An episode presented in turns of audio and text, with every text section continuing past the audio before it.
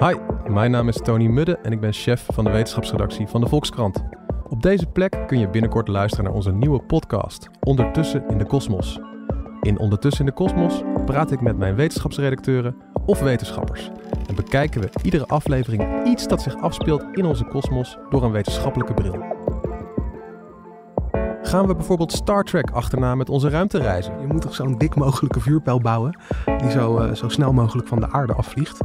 Hoe vast staat je eigen persoonlijkheid? Kijk, als jij vroeger altijd de clown van de klas was, dan zal je ten opzichte van andere mensen altijd wel een beetje een lolbroek blijven. Of hoe komt het dat sommige ouders toch zo fanatiek staan te brullen langs het sportveld? Het is alsof jij die strijd aan het voeren bent. En jonge kinderen maakt het eigenlijk niet zo heel veel uit of ze nou winnen of verliezen. Maar het is de ouders die uh, de nederlaag ervaren of de winst.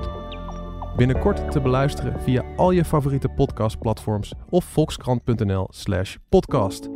Ondertussen in de Kosmos, de podcast van de wetenschapsredactie van de Volkskrant. Abonneer je dus nu alvast, zodat je geen enkele aflevering mist.